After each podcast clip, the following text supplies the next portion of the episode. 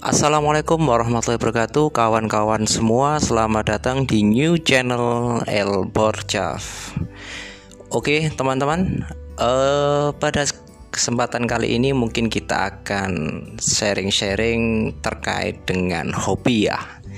Oke Kebetulan ini akan kita bahas Terkait dengan hobi tanaman. Ya sedikit banyak untuk mengisi waktu luang maybe atau mungkin menjadi rutinitas yang bisa menghasilkan pundi-pundi fulus kita. Nah, eh, terkait dengan pembahasan ini, kawan-kawan semua, saya ingin coba mengulas tentang tambu lampot.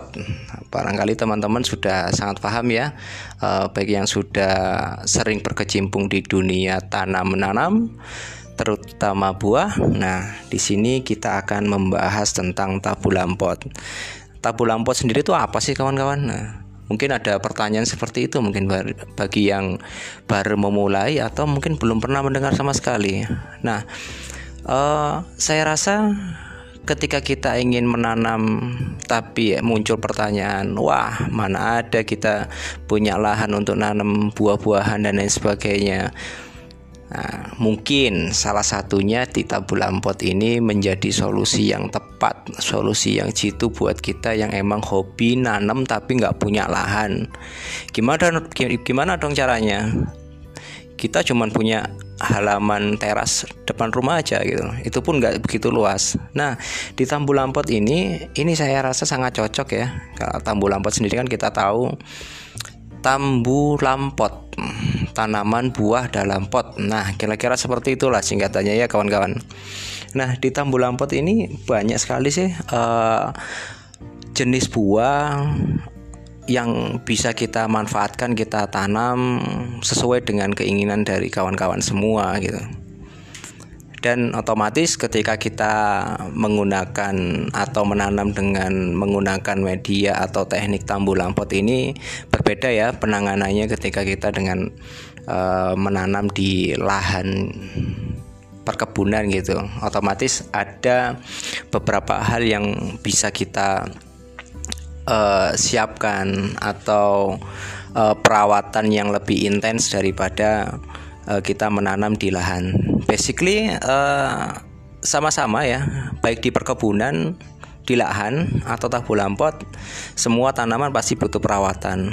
Nah, tapi uh, untuk tambu lampot sendiri saya rasa perawatan sangat mudah, kemudian hasil yang didapat juga sangat lumayan gitu loh dan bagus baik untuk hiasan rumah sebagai bisa buat uh, hijau-hijauan gitu ya kira-kira. Nah, di Tambu Lampot kira-kira uh, tanaman apa yang cocok kan? Mungkin pertanyaan pertanyaan seperti itu muncul gitu. Uh, ini, ini kita share untuk uh, pengalaman pribadi aja ya. Kita sambil sharing ilmu, berbagi informasi, berbagi ilmu. Mungkin nanti teman-teman semua bisa menambahkan dan sebagainya. Silahkan nanti bisa kita join. Nah, uh, kembali lagi kawan-kawan terkait dengan tambu lampot uh, tambu lampot. Uh, kita bisa pertama ya kita siapkan media tanam gitu ya. Uh, uh, uh, sebelum media tanam kita tentukan nih. Nah, kita tentukan kira-kira buah apa sih yang akan kita tanam kan gitu. Nah kalau ini kembali ke selera dari teman-teman semua sukanya di buah apa? Nah ini harus harus ada. Uh, kemudian yang kedua kita siapkan uh, media tanamnya Kira-kira media tanam yang pas komposisinya seperti apa ya untuk di tambu lampot? Kalau saya sendiri ada beberapa perbandingan sih ya kawan-kawan. Uh, yang pertama komposisinya satu banding satu banding satu. Nah, seperti apa itu maksudnya? Nah, satu banding satu banding satu satu takaran ya satu takaran semisal kita pakai ember gitu uh, jadi satu tanah kemudian satu kompos dan satu pupuk kandang. Nah, kalau uh, untuk untuk tambu lampot saya rasa dari pengalaman paling bagus kita menggunakan pupuk kandang dari kotoran kambing ya kawan-kawan ya. Karena untuk pertumbuhannya, kemudian nutrisinya dan lain sebagainya itu saya rasa sangat bagus. Nah, setelah kita sudah siapkan komposisi yang pas satu banding satu banding satu antara tanah, kompos dan juga uh, pupuk kandang. Ini bisa kita dapatkan untuk kompos pupuk kandang semisal uh, di daerah perkotaan maybe kita bisa toko pertanian kita kita bisa beli dan dari komposisi tiga tiga hal itu kita bisa uh, mencampurkan semua. Jadi mengaduk sampai rata gitu ya. Kemudian kita masukkan di dalam pot. Nah untuk pot sendiri ya ini bisa kita menggunakan beberapa alternatif. Bisa menggunakan pot uh, dari plastik atau dari drum bekas atau yang atau dari semen terserah. Jadi semakin diameternya besar saya rasa semakin bagus ya. Karena untuk perkembangan atau pertumbuhan dari akar akar tanaman buah yang akan kita uh, tanam gitu. Nah, uh, untuk yang idealnya, gitu, kalau saya sendiri dari pengalaman uh, suka menggunakan pot yang diameter 60. Nah, itu itu itu saya rasa cukup. Nah, setelah kita sudah menyiapkan media tanam, pot sudah kita siapkan, kita tinggal masukkan aja. Kemudian uh, terkait dengan pemilihan bibit buah. Nah, ini yang paling penting. Perlu teman-teman ketahui semua. Nah, pastikan uh, bibit buah yang akan kita tanam adalah dari hasil uh, okulasi atau stek. Kalau kita menanam dari biji, wah bisa bisa dipastikan kita akan lama sekali untuk uh, bisa menikmati hasil dari apa yang kita tanam bisa 7 sampai 8 tahun mungkin kan kira-kira seperti tahunan. Tapi kalau kita menggunakan cara uh, dari bibit dari stek atau okulasi dan semacamnya seperti itu uh, bisa satu atau dua tahun itu saya rasa bisa bisa mulai belajar berbunga. Setelah berbunga ya otomatis buah yang akan kita uh, kita dapatkan gitu ya. Kita bisa memanennya. Nah terkait dengan tambu lampot tadi gitu ya. Setelah kita uh, masukkan tanah media tanamnya kemudian bibit itu kita masukkan dan jangan lupa teman-teman setelah masukkan pastikan disiram. Nah untuk perawatannya sendiri gimana ini yang pas untuk tabu lampot?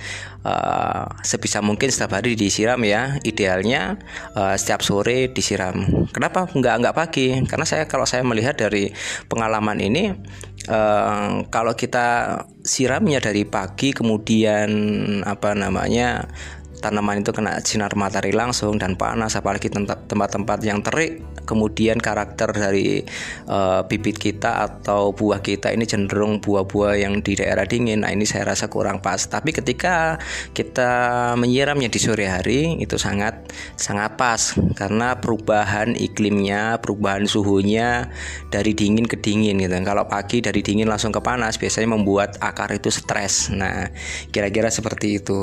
Nah untuk perawatan uh, setelahnya uh, bagaimana pemupukannya? Kan gitu. Mungkin muncul pertanyaan pupuk apa sih yang kira-kira pas?